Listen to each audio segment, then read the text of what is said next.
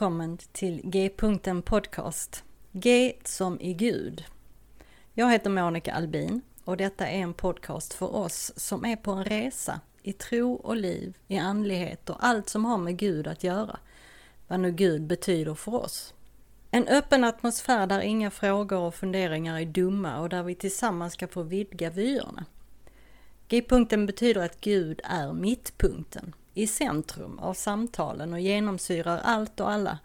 Och därifrån är vägarna öppna att fortsätta framåt och utforska nya vyer. Samtala de stora frågorna på ett vardagligt sätt hoppas jag att podcasten ska kunna erbjuda. Tack för att du vill vara med på den här resan. Så välkommen på resan mot G-punkten.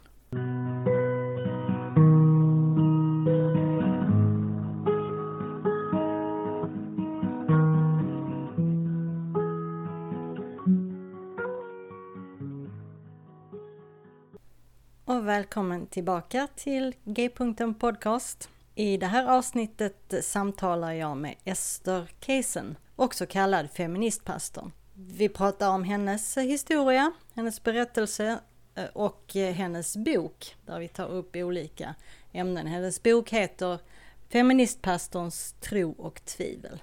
Så tack för att du vill lyssna idag och här kommer samtalet med Ester.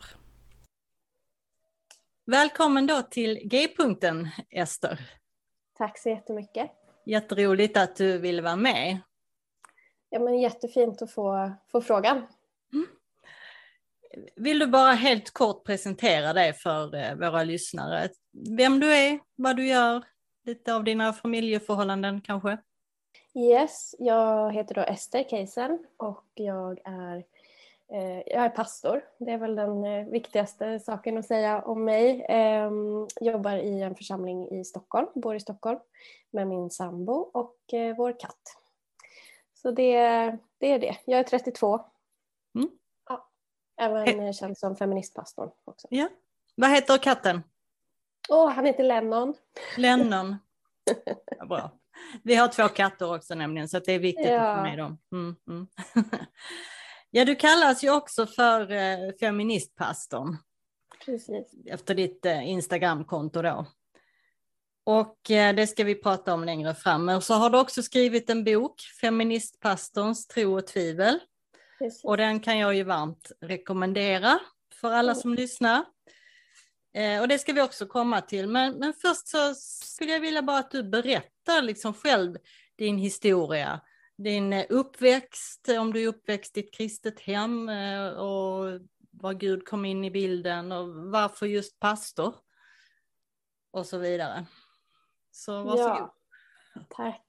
Um, nej men jag växte upp i Värmland, Arvika, eh, en liten stad, i en familj där mina föräldrar var kristna och väldigt aktiva i kyrkan. Så jag har ju, ja men kyrkan har varit en väldigt stor del av mitt liv egentligen hela tiden. Och det där eh, kan ju bli olika för olika personer såklart. Men för mig så var min tro alltid någonting som, som var personlig för mig. Jag har alltid känt en, eh, en gudstro på, på, på något sätt. Eh, och alltid men, trivts i kyrkan skulle jag säga. Vi var med i en väldigt liten församling där ja, men vi som var där var väldigt aktiva för att vi var inte så många. Och jag tror att det gav mig väldigt tidigt en känsla av att i kyrkan så är jag viktig. Och att min, min röst spelar roll i kyrkan. Jag fick påverka gudstjänsterna, jag fick påverka vad vi gjorde. Och eh, jag fick ganska tidigt också ja, men något sorts ledar, ledaruppdrag och liksom prova på att ha ansvar och hjälpa till och sådär. Så för mig, ju, mer, ju äldre jag blir tror jag, ju mer ser jag det som en, en ändå väldigt viktig del av min, eh, hur, hur det blev så här eller hur jag blev den jag är. För kyrkan har nog präglat mig väldigt mycket på väldigt positiva sätt. Eh, att stärka mig som, som ledare, att känna att jag har någonting att bidra med och försöka hitta, hitta en plats där jag kan bidra. Liksom att jag, jag kan påverka världen runt omkring mig. Så det, det är liksom en väldigt stor del skulle jag säga av min, min uppväxt. Sen hade jag eh, inte så mycket så här, kristna vänner i skolan och sådana saker utan kyrkan var alltid lite eh, separat eh, från mitt övriga liv på något sätt. Men sen, och stor anledning tänker jag till att jag pratar om de frågorna jag gör idag, är ju också att det finns baksidor med, med kristen tro, eller åtminstone så som jag upplever det. Att det finns, det finns en problematik i det som jag fick höra vad gäller sex och sexualitet kanske framför allt. Eh, kvinnors roll. Liksom att det, det, finns de här snäva bilderna som, för jag kommer ifrån ett, ett sammanhang eh, som ändå är ganska konservativt eh, skulle jag säga. Det fanns en öppenhet i hur jag växte upp i kyrkan men det fanns också vissa saker som var väldigt stängda. Och det har ju påverkat mig. Jag till, till exempel, jag växte upp i adventistsamfundet där kvinnor inte blir ordinerade pastorer. Så, och jag pluggade faktiskt teologi eh, så småningom i, i just adventistsamfundets skola eh, i England. Och, eh, så jag kan jag hade kunnat jobba som, som pastor i, eh, i Adventistsamfundet. Jag hade kunnat jobba som eh, pastor i Adventistsamfundet. Eh, det finns många kvinnliga pastorer där, men de blir inte ordinerade, vilket betyder som läkare att du blir legitimerad. Liksom. Okay. Ja. så du får vara med, men du är inte riktigt på samma, det är inte riktigt samma nivå. Och just den där saken har jag ju levt med hela mitt liv och alla i mina sammanhang tyckte att det här var helt vansinnigt. Liksom min familj och men hela min släkt egentligen var ju för att kvinnor också ska ordineras. Men samtidigt, så det var ju mycket sånt vi pratade om att ja men det här, och det kanske är den traditionen jag finns i, att vi, vi problematiserade ändå kyrkan vi var en del av. Mm. Samtidigt som det blev aldrig en dealbreaker. Det var aldrig liksom illa nog. Eh, det räknades inte som en så pass stor sak att vi faktiskt lämnade eh, då när jag växte upp. Nu har jag och, och flera liksom bytt samfund. Men, men just den där saken att det finns, jag har alltid varit medveten om att det finns saker i kyrkan som jag inte tycker är okej. Okay. Mm. Men jag har också blivit uppmuntrad att problematisera och prata om det och försöka påverka. Mm. Och på ett sätt är det inte så konstigt då att jag, det är precis det jag försöker göra. Men grunden till det kommer ju ur att kyrkan är en så stor och viktig del av mitt liv och min tro är en så viktig del av mitt liv. Jag pratar ju om problemen i kyrkan för att jag älskar kyrkan. Jag mm. är en del av kyrkan och jag, jag tror att kyrkan är någonting bra. Mm. Men jag tror att vi kan vara bättre. Mm. Jag tänkte just eh, fråga dig varför du valde att eh, gå pastorsutbildning i England, men det förstår jag ju nu då. Eh, ja, den finns bara, det finns inte i Sverige. Nej. Nej, just det. Men sen läste du till lite så att du kunde byta samfund. Ja, men precis. Jag, och jag hade faktiskt inte tänkt, när jag, när jag åkte till, till England för att plugga första pastorsåret så hade jag inte tänkt vara kvar. Nej. Utan jag tänkte jag läser ett år och eh, jag var liksom nyfiken på att lära mig lite mer om teologi mm. eh, och att bo i England, bli bättre på engelska, mm. träffa andra. På den skolan så var vi från, jag tror 70 olika nationaliteter. Mm. Så ja, men det var någonting som, som lät spännande för mig. Och faktiskt så, ja, men jag, det här med att jag har alltid haft kyrkan som, som en del i mitt liv och sen så har allting annat varit någonting annat. Um, åtminstone när jag växte upp. Att för mig var tanken på att prova att gå på en, på en kristen skola på det sättet, eh, som också var ett internat och det var väldigt mm. mycket liksom, gemenskap. Eh, jag hoppades nog någonstans att jag skulle hitta de andra som är som jag. Mm. Och för mig blev det nog tvärtom. Att det var, det var ganska utmanande mm. att vara i ett sammanhang med så många kristna från, från hela världen som hade ja, men olika, olika perspektiv på, på vad kristen tro är, på vad som är viktigt och där blev jag, från att liksom ha växt upp som någon sorts eh, ja, frikyrkoflicka som gjorde det man skulle och pluggade och inte drack alkohol och skulle vänta med sex mm. tills jag gifte mig och liksom allt det där. Från att ha varit en väldigt sån duktig flicka mm. så ansågs jag helt plötsligt som någon sorts rebell. För att jag ifrågasatte och tänkte högt och ja, ställde kritiska frågor och började ja, men, försöka läsa, om, läsa på om tvivel och vad händer om jag tänker på Gud som hon. Och, mm. um, så det där var väldigt uh, utmanande för mig men också uh, viktigt. Mm. Mm. Uh, din bok är ju till stor del din historia mm. och det som finns liksom i dig. Jag vill läsa ett citat ur den som eh, fick mig att eh, le med hela ansiktet och säga ja med hela hjärtat. Och det, det är ju det här då från sidan 17 där det står att jag drömmer om kyrkor där drag queens leder lovsången, där tanter hyllas för att de är för samhällets ryggrad, där familjer kan se ut på alla olika sätt, där vi krokar arm med de troende från alla olika religioner och stöttar varandras rätt att tro. Jag drömmer om en kyrka där vi alla får plats, där Gud på riktigt är kärlek, inte bara för den som passar in och orkar sitta tyst, välklädd och normativ i kyrkbänken. Det kan väl inte vara så svårt att ordna? Ja. Yeah. Det är som yes, yes äntligen. Men det som du kallar då din din kyrkliga skoskav. Ja. Är det lite av att det inte ser ut så här? Ja, nej men det, det är ju en väldigt stor del av det kanske. För kyrkan är ju fantastisk och idén om kyrkan och vad kyrkan är teologiskt, alltså vad Bibeln säger att kyrkan är, det är ju någonting väldigt vackert eh, och svårt. Så kyrkan är för det första inte en byggnad utan eh, en grupp människor. Mm, mm. har alltid varit. Kyrkan är, är gemenskap mellan Gud och människor och det är ju alltid komplicerat. Alltså, vi människor är ju inte perfekta på något sätt och ingen kyrka är perfekt på det sättet att det bara händer bra, fina saker för att vi människor är vad det bygger på.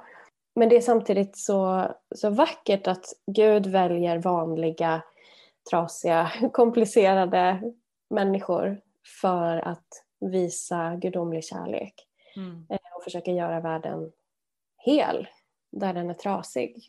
Så jag tycker på ett sätt att det vore ju självklart att, att det ska vara så och det finns ju såklart kyrkor som, som är välkomnande och varma och öppna på många sätt. Men på många ställen så är det inte så. Mm. Och jag kan bara liksom från ett personligt plan, eh, också utifrån det jag, det jag berättade om hur, hur viktig kyrkan är och har varit för mig i, i att forma mig som människa så är det en sån, en sån sorg faktiskt nu att det största, det svåraste och jobbigaste i mitt liv det är motståndet jag får från andra kristna. Mm. Och hur svårt det är för mig att känna mig trygg i kyrkan. Mm. Och och då är jag ändå, jag jobbar i en församling, jag älskar att göra det. Och jag trivs där och jag trivs i många kyrkor. Men någonting gör att jag alltid har garden uppe lite grann. Och om jag som, som faktiskt pastor och en person som har varit kristen i hela mitt liv och är väldigt på många sätt normativ inom kyrkan. Om jag har svårt att känna mig trygg, mm. då vet jag att det finns väldigt, väldigt många som inte känner att de får plats och hör hemma. Mm. Att det är inte den här varma, trygga platsen. Det är inte till kyrkan du går när livet brakar um, för många av oss. Nej. Och ja, men det tycker jag det är så sorgligt. Och det, är, ehm, det har nog präglat mig de, de senaste åren faktiskt. Att det, jag är nog inne i någon sorts process just nu där jag just bär runt på den där sorgen på ett annat sätt mm. än jag gjorde när jag startade Instagramkontot till exempel. Då var jag liksom inne i att oj, det finns feministiska strömningar i kyrkan och har funnits i decennier, hundratals år och egentligen sedan, sedan kyrkan började. Mm. Um, och jag tänker att Jesus hade tydliga feministiska strategier till exempel. Mm. Men det finns strömningar och potential och sammanhang som jag inte trodde var möjliga när jag själv växte upp. Mm. Och det gav mig så mycket inspiration och hopp. Eh, men samtidigt, och ju mer jag pratar om det desto fler sådana sammanhang upptäcker jag och desto mer hopp hittar jag. Samtidigt som motståndet är och har varit ganska jobbigt. Och det är svårt faktiskt. Ja, oh ja. Jag Jag, bearbetar det mycket ja. Jag gick in och kollade lite grann på Immanuelskyrkans hemsida Mm. och, och där säger jag, men är du inte lite i en sån här församling ändå? Med tanke på allt. Man blev ju nästan, alltså man, fick ju, man tappade andan lite när man såg allting som eh, församlingen inblandad i eller eh, hela verksamheten och hela konceptet på något sätt. Det Mm, att det är positivt upplevde du? väldigt positivt. Ja. Jo men det finns väldigt mycket med eh, Immanuelskyrkan där jag jobbar som jag är väldigt, väldigt stolt över. Mm. Som, eh, ja, men saker som vi säger att vi står för och vår värdegrund och, och allt det där. Sen är Mm. det en församling som alla andra. Mm. Ehm, men, och ingen av oss kan ju 100% leva upp till det vi vill och då är det ju viktigt, det är viktigare att försöka sträva mot någonting. Eh, Men ja, absolut, det finns eh, mycket fin, mycket fin eh, potential i Immanuelskyrkan. Och sen är det väl så med församlingen överhuvudtaget att var annars skulle man träffa och umgås med människor ja, som är så olika en själv än Mm. i en församling. Jag menar i ingen annan sammanhang i, i, i vardagen skulle man ju göra det. Mm. Så att det ligger ju något vackert bara i det. Ja, och det är som jag säger att det är det som är så fantastiskt med, med kyrkan, att det, det samlar människor. Mm, Eh, och det är det vackraste och det svåraste precis. med varje församling. Men det jag älskar också, jag tänker att det är det, det som är grejen med Gud, att Mm. Gud väljer inte perfekta människor, Nej, utan väljer oss. Och eh, det är väldigt härligt. det, är, det är en himla tur det. Ja. Eh, du, du skriver ju eh, bland annat om de bortglömda kvinnorna i Bibeln eh, Mm. i din bok. Och eh, det har ju kommit en del eh, böcker och så nu just om kvinnor i Bibeln, så det, det är ju ändå lite på, på frammarsch. Mm. Eh, lite så. Jag, jag hävdar ju till exempel också att eh, eh, det skulle bara få vara kvinnor som predikar på påskdagen till exempel. Mm. Det, Jag köper det rakt av. ja, det är bra. Eh, Så skriver du då att Jesus gjorde mig till feminist. Ja. Det kan du väl berätta lite kort om den tanken? Ja, men jag började ju kanske kalla mig feminist när jag var 22, 23, där någonstans. Mm. Hade inte gjort det tidigare. Men jag började kalla mig det för att jag började läsa på och liksom läsa feministiska bloggar. var så det började för mig egentligen. Mm. Och eh, det som hände var att jag insåg att ja, men här, här finns ju språket för det där som jag har lärt mig i kyrkan. Mm. Här finns en rörelse som identifierar att världen är inte rättvis. Världen behandlar människor olika och det vill vi göra någonting åt. För vi tror att alla människor är lika mycket värda.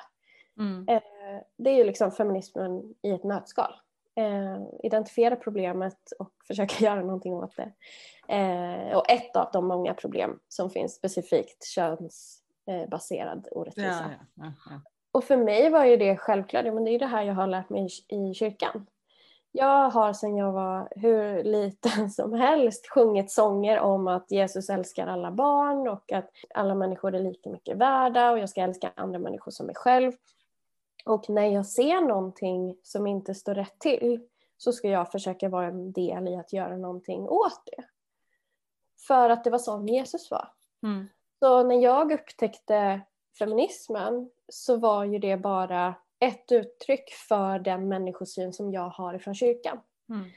Och det var också därför tror jag jag blev så förvånad, faktiskt genuint förvånad över motståndet mot feminism som, som finns i vissa kyrkliga sammanhang och strömningar. Eh, för för mig hänger det så tydligt ihop. Mm. Och, och, ja, jag vet inte riktigt vad jag ska säga. Nej, men, eh, det som blev viktigt då kanske för mig var att försöka bena ut lite vad, vad är det som stämmer då, eller vad tycker jag stämmer? Om jag känner att jag har lärt mig den här rättvisan i kyrkan och så finns det andra som argumenterar emot det feminismen står för på biblisk grund, liksom påstår de. Mm. Vad ser jag i Bibeln? Mm. Det var väl då jag började upptäcka mer och mer om och titta på hur, hur gjorde Jesus då?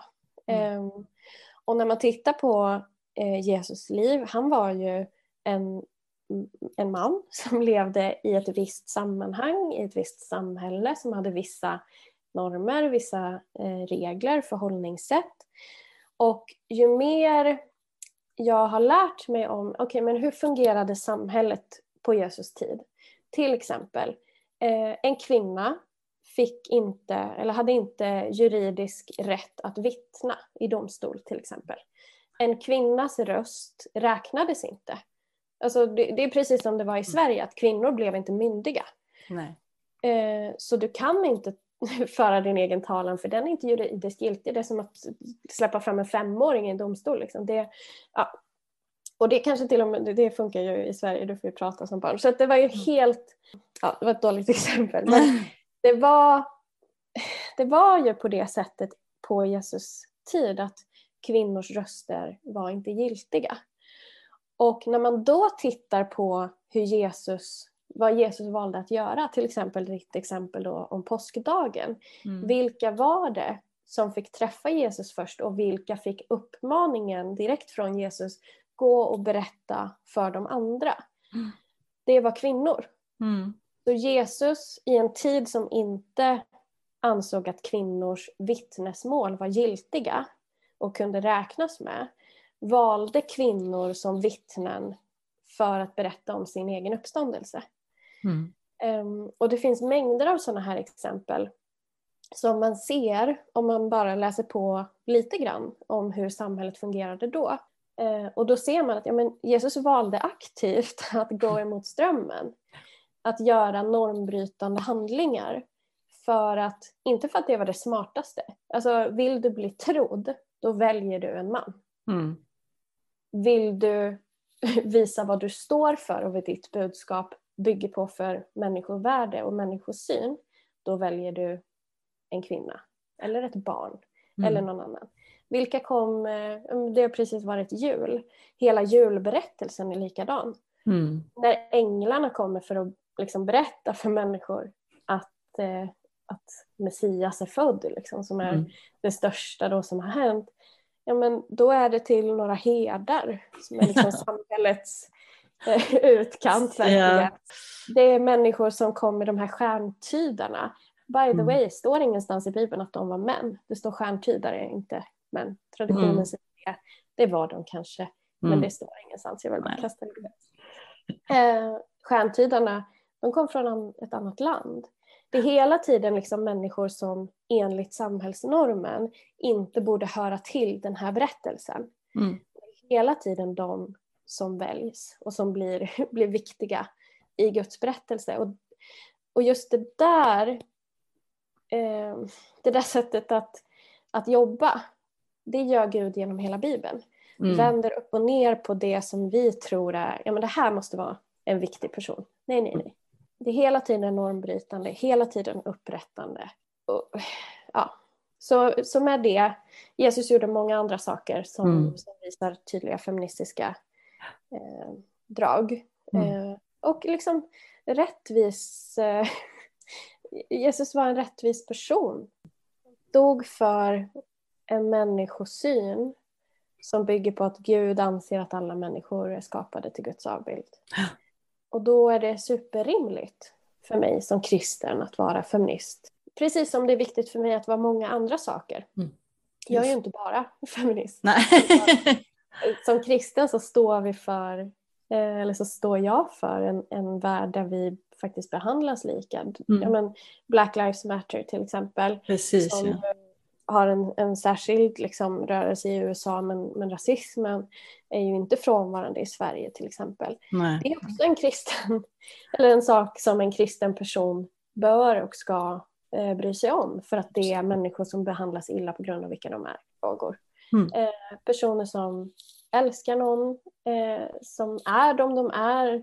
Liksom, transpersoner, homosexuella, bisexuella ska inte behandlas illa i världen och inte i mm. våra kyrkor. Eh, och inte för att man ska vara snäll trots det, utan för det är ingenting fel. Nej, precis. Utan det är vackert att vi mm. människor är olika och vi ska fira det, inte motarbeta det. Nej, precis. Du skriver, eh, för att vara lite, lite mer personlig kanske, eh, ett avsnitt här eh, om till stöden skiljer oss åt. Mm. Om eh, din egen eh, resa där eh, med äktenskap och skilsmässa. Vill, du berätta lite ja, kort om det?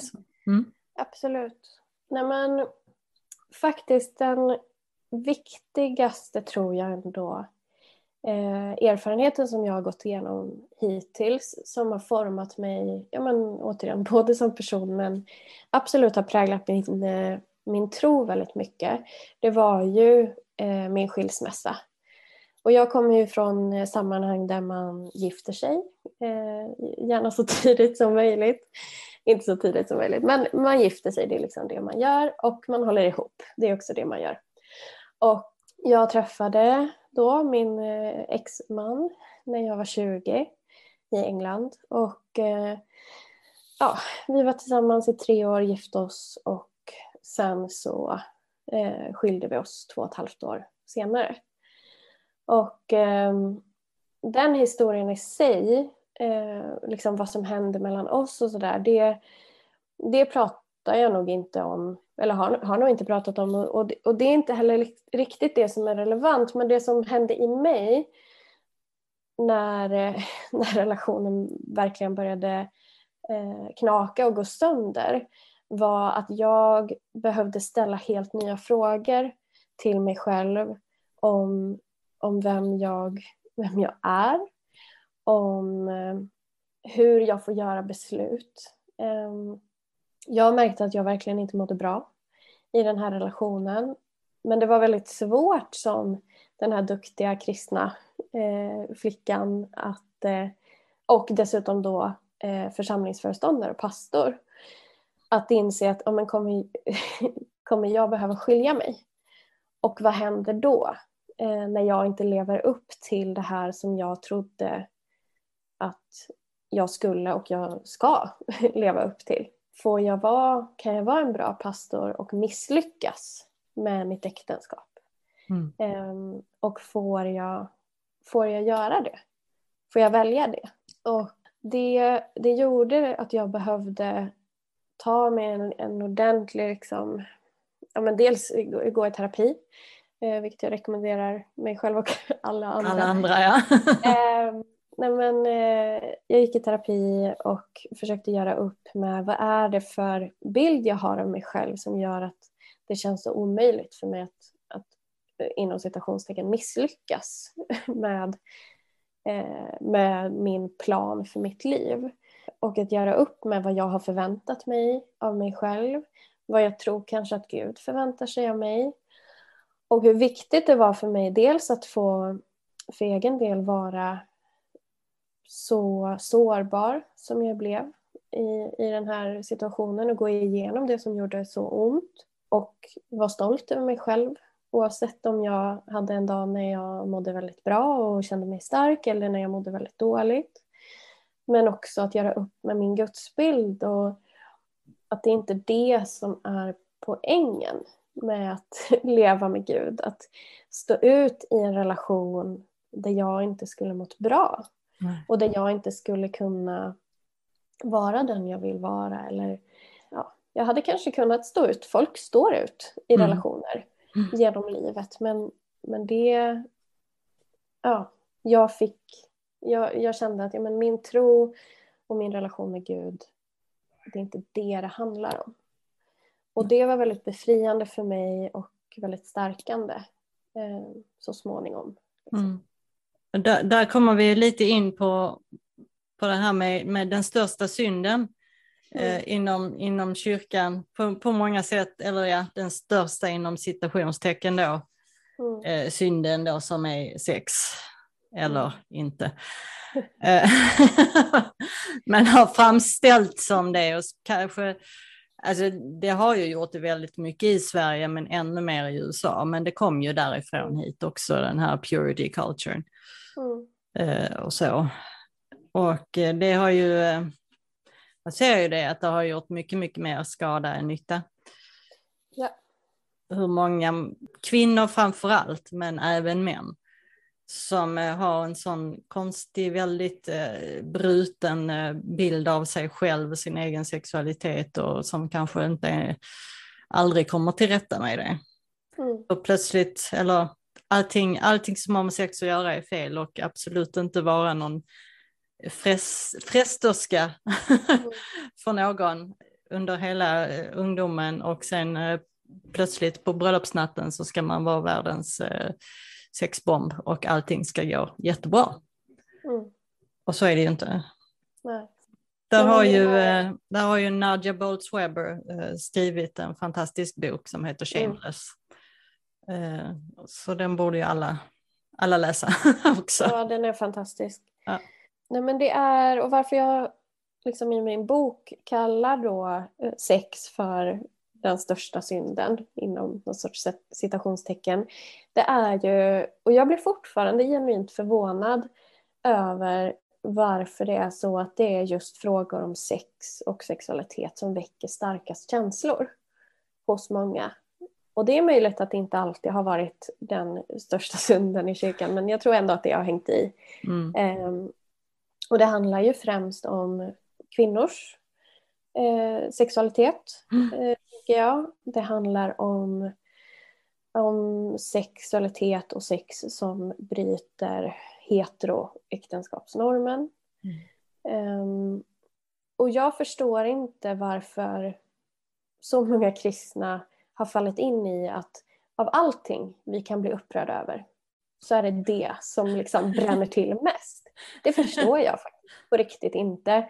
När det finns barn som svälter, när det finns människor på flykt, när, det, när vi liksom förstör vår planet, när vi... Mm.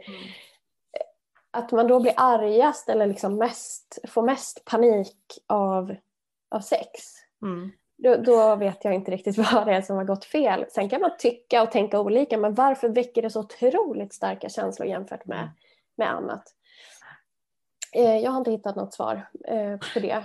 Eh, att vi är en del av ett patriarkat är ju antagligen en, en nyckel i det här. Mm. Och liksom hur, hur kyrkan går många gånger hand i hand med maktordningar i samhället överlag. Mm. Mm. För sex och sexualitet är ju någonting som ja, men, du tror kanske i alla fall att du kan kontrollera människor om du kan kontrollera det. Ja, just det. Um, ja, men det, det, finns, det, finns så mycket i det här men, mm. men det är ju, och det sker ju verkligen fortfarande att vi pratar och jag säger vi när jag pratar om kyrkan, även om jag försöker göra saker på ett annat sätt och vi är många som gör saker på ett annat sätt, så känner jag också ett ansvar eftersom att jag väljer jag väljer ändå att vara kvar i kyrkan. Jag väljer mm. ändå att vara ledare och företrädare för kyrkan och då försöker jag också jag vill inte börja prata om dem och vi, utan Nej. vi i kyrkan gör mycket saker bättre, absolut, mm. nu än vi har gjort. Men, men det händer fortfarande att vi pratar om, om sex och sexualitet på sådana sätt som faktiskt skadar människor. Kanske framförallt unga och hur man präglar unga personer i att, att tänka sin, kring sin sexualitet och sin kropp. Och, mm. men jag tänker bara på en sån sak som, som jag fick höra att onani var någonting väldigt dåligt och skamligt. Och, mm. eh, som att njutning skulle vara någonting som, som skadar min kropp på något mm. sätt. Eh, vilket jag absolut inte tror att det är. och, och var kommer det ifrån? Eh, och varför, och framförallt, som kristna, varför är alla, eller varför är så många så övertygade om att det är en självklarhet? Att kristen tro tycker att nej men, sex ska vara på det här sättet. När det inte alls är så, så tydligt. Och om man jämför med var, vart, hur vi svarar på andra frågor mm. eh, som kanske har ännu mer bibeltexter om sig, där vi är mer nyanserade. Mm. Ja, det är väldigt eh, märkligt. ja, det är det verkligen. Ja. ja. Du skriver i ett, eh, ganska, ett vackert kapitel här till man och kvinna skapade han dem. Mm. Eh, om eh, mänskliga nyanser. Ber, berätta eh, med egna ord om de här nyanserna. Och, alltså, jag, mm. jag tyckte det var vackert att läsa det men jag vill gärna höra det med ja. dina ord. Nej, men det är ju ett kapitel där jag skriver om eh, transfrågor yeah. och queer, queerhet överlag. Och eh, men, människor, och det här vet vi om man tittar biologiskt på hur människor är och föds så finns det inte bara de här boxarna man och kvinna. Utan bara biologiskt så finns det ett spektrum av oss människor. Precis som med allting annat, att det finns ett spektrum av personligheter och eh, hårfärger och hudfärger och liksom vi människor har, är olika och det finns inte bara motsatser utan det är mångfald. Mm. Och ganska ofta så, så används skapelseberättelsen i Bibeln som någon sorts argument mot dels eh, samkönade par och dels mot eh, transpersoner. Um, och att, för att det står att Gud skapade människan till man och kvinna. Och då läste jag, och jag lånade faktiskt det här resonemanget från en bok som eh, organisationen EKO har gett ut. Eh, EKO är alltså en organisation som EKO står för Ekumeniska grupperna för kristna hbtq-personer. Och eh, den här boken heter Vem säger ni att jag är? Mm. Vem säger ni att jag är? Utgiven av EKO. Där eh, olika transpersoner skriver från sina perspektiv. Och eh, en ganska ung, om jag minns det rätt, transperson skrev om just hur skapelseberättelsen har använts eh, som ett motargument för att den personen då skulle vara den den är. Med resonemanget att ja men, absolut, det står Gud skapade människan till man och kvinna. Det står också att Gud skapade dag och natt. Men vi använder inte det för att säga att det inte finns morgon eller kväll eller gryning eller midnatt. Vi, Gud skapar hav och land men det finns också eh, bäckar, det finns eh, myrar, det finns så mycket mittemellan. Mm. Eh, så motsatserna säger inte det finns bara det. Utan Gud skapar bredden med allt vad det innebär. Gud skapar alla fåglar och alla liksom vattenlevande djur. Och det, det är hela tiden mångfald. Mm. Eh, och varför tror vi inte att det stämmer för människor? Och varför är vi så rädda för det? Mm. Det är ingenting att vara rädd för, det är bara vackert. Och eh, att det finns transpersoner, ett, ett annat argument vet jag är ju att ja, men Gud gör inga misstag. Nej. Men det är inget, nej, men alla människor växer utvecklas genom livet. Vi, vi föds inte som statiska, färdiga produkter. Utan, för jag älskar skapelseberättelsen och jag tycker att det finns otroligt mycket eh, teologi, alltså god teologi att hämta därifrån och gudsbild. För det första vi lär oss i Bibeln om Gud är att Gud skapar. Mm. Det är liksom bland det första vi lär oss. Gud skapar nytt, ger nytt liv och det fortsätter växa och blomstra. Och vi människor är skapade till Guds avbild. Och det innebär inte att vi är färdiga utan att vi också är skapande varelser. Mm, precis. Och då är det ju ganska, då är det dålig teologi skulle jag säga att påstå att det finns män och det finns kvinnor, de är si och de är så. Mm. Eh, utan det finns människor och vi är mm. skapande, livgivande eh, gudsvarelser. som speglar Gud. Som är, vi är människor men vi, vi är en del av någonting som är mycket större och dynamiskt och växande. Och det är det, är det som är vackert. Och det är ingenting att vara rädd för utan det är någonting att fira. Ja, det, det är som sagt väldigt mycket i den här boken så människor får läsa den själv. Men, men det, jag vill ändå eh, liksom göra lite nedhopp i den. Mm. Och eh, jag tyckte om det kapitlet också som heter Guds livmoder. Mm. Där du börjar med att det är lika bra jag säger det direkt. Jag har tröttnat på treenigheten som en exklusiv gubbklubb. Jajamän. Ja. För Gud är så mycket mer än så. Ja. Och har alltid varit. Alltså, mm. det är så... Jag kan bli så trött av att... Ja, men, jag försöker till exempel när jag ber eh, välsignelsen eller ber i, i gudstjänst och sådär. Att istället, ibland säger jag i Fadern och Sonen och den heliga Andens namn. Ibland säger jag i Skaparen, Befriaren och livgivars, Livgivaren eller livgiverskans namn, lite olika. Mm. Och nästan varje gång, eller då och då, så får man ändå reaktioner. Och många tror att det här är någonting väldigt nytt, att liksom prata om Gud på andra sätt. Eh, Medan det här är någonting väldigt, väldigt gammalt. Alltså det har mm. alltid funnits nyanserade gudsbilder. Eh, jag vet inte hur länge vi har använt skaparen, befriaren och livgiverskan som en ersättning. Men jag har ju inte hittat på det här. Eh, utan det är ju ändå, det används. Mm. Eh, här har varit sedan, sedan ett gäng år i alla fall. Eh, och Bibeln har ju en bredd av gudsbilder. Och om man bara tittar på, och varför jag kallar det här kapitlet för Guds livmoder, det är ju grundat i ordet barmhärtighet. Mm. Eh, och det är ett så kristet ord, det finns ju ingen annanstans som man använder ordet barmhärtighet. Eh, men det är ju ett, ett, liksom, ett tydligt ord i Bibeln som beskriver Gud. Att mm. Gud är barmhärtig, Gud är barmhärtighet. Och just det här ordet barmhärtighet på hebreiska som Gamla Testamentet är skrivet på, det är samma ord som ordet för livmoder. Mm. Mm. Så Guds liksom, barmhärtighet, som är någon sorts kärlek och omsorg, är liksom Guds livmoder.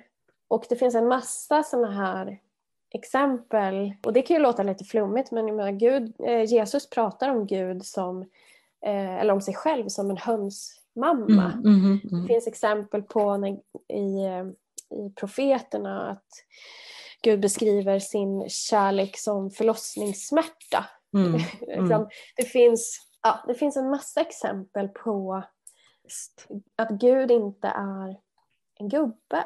Nej, och bara, men så här, det lättaste argumentet för mig är ju faktiskt återigen ur skapelsen.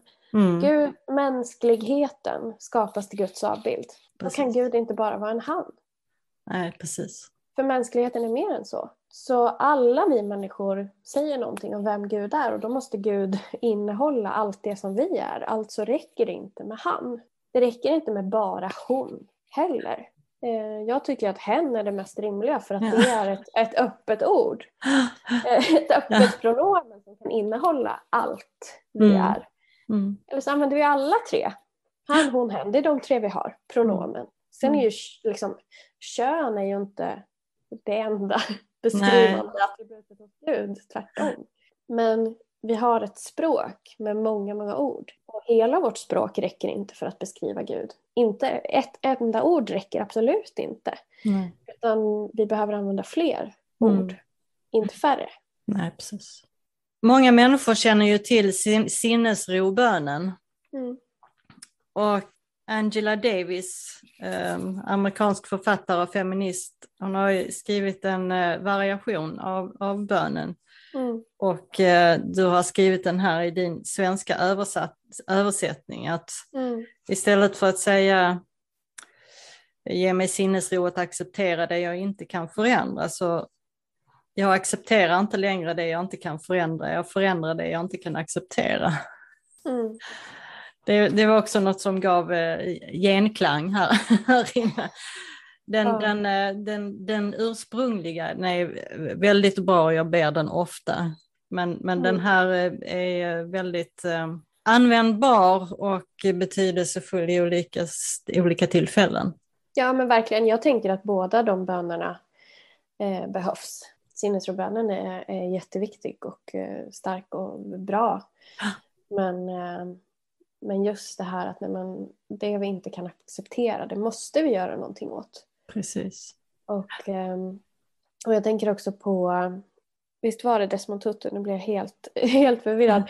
men som, som jag också har citerat i boken som, som pratade om hur han skulle vägra eh, vara en del av en homofobisk himmel. Ja, ja då, går, då skicka mig vart som helst men ja. inte till en homofobisk himmel. Eh, att, att någonstans så, så behöver man också bara sätta ner foten. Att, mm. För vi kan, vi kan diskutera i 2000 år till vad Bibeln betyder och inte betyder. Hur ska man tolka den och den och den texten. Och jag är inte på något sätt att jag inte tycker Bibeln är viktig. Jag tycker Nej. Bibeln är jätteviktig och jag, allt jag säger har jag brottats med Bibeln för att landa i. Men ibland så fastnar vi i liksom diskussioner som inte tar oss någonstans. När vi bara behöver se vad, vad är det som händer eh, i världen som jag inte kan acceptera. Mm. Och jag kan inte ändra allting. Nu råkar kyrkan vara min arena, mm. min plats, mitt mm. hem. Eh, det är där jag just nu framförallt kan påverka. Mm. Det jag inte kan acceptera. Och jag kan inte acceptera att, att kyrkan inte är en trygg plats. Nej. Jag kan inte det. Jag, jag kan inte stå för det. Jag kan inte leva i det själv. Utan jag vill vara en del av en kyrka som, som är sån som jag tror att Gud är. Och då måste jag försöka göra någonting åt det. Där vi som kyrka inte räcker till. Och jag kan göra en, en del. Jag kan ja. inte göra allt. Men, men jag tror att det är en väldigt viktig kompass. Att, eh, och det, här skriver jag också i boken. Att jag, jag vill inte vara kristen till vilket pris som helst. Att vara kristen är för mig inte viktigare alltså ordet kristen, mm, liksom del mm. av kyrkan som organisation, det är inte viktigare för mig än att, att faktiskt följa vad jag tror att Gud står för, som mm. är eh, kärlek för alla människor. Mm, mm. Och om, om kyrkan som organisation blir för trång eh, och faktiskt inte följer vad jag tror är Guds mening, då är jag hellre inte i kyrkan men försöker följa den jag tror att Gud är. Och det gör det ganska svårt på ett sätt att vara i kyrkan ibland. Men, mm. Eh, men jag kan inte stå för någonting annat. Nej. Jag har en uh, sista fråga som jag ställer till alla mina gäster. Mm. Och uh, det är, var finner du njutning och välbehag just nu? Oj. Um, nej men jag är ju väldigt mycket en hemma när alla andra vill ut och resa så vill jag bara åka hem. Tycker om att vara hemma. Nej, men jag mår, mår nog väldigt bra av här, små, små vardagliga saker. Um, bara att hänga i soffan och äta chips. Liksom, det, då, då mår jag toppen. Men också utomhus. När det är sol och jag får ta en promenad med fin utsikt. Mm. Ja, inte så, inte så komplicerat men Nej. Eh, härligt. Mm. Ja, det är väl skönt det. Men du, stort tack igen för att du ville vara med. Ja men tack. Och eh, du är varmt välkommen tillbaka framöver. Tack. Tack så jättemycket. Så eh, sköt om dig. Detsamma, detsamma. Tack. Hej då. Hej. Tack för att du ville lyssna på det här avsnittet med Ester Kesen. Tycker du om det så dela gärna med dig av det på dina sociala medier och till dina vänner. Skriv kommentarer och funderingar på Facebook-sidan eller eh, på bloggen. Det finns länkar i avsnittsbeskrivningen och så även på bloggen. Idag vill jag avsluta med en, en kort välsignelse. Må Guds ljus vara vårt ljus. Må Guds kärlek vara vår kärlek. Och må Guds väg vara vår väg. I skaparens, befriarens och livgiverskans namn. Amen. Vi hörs nästa vecka. Hejdå.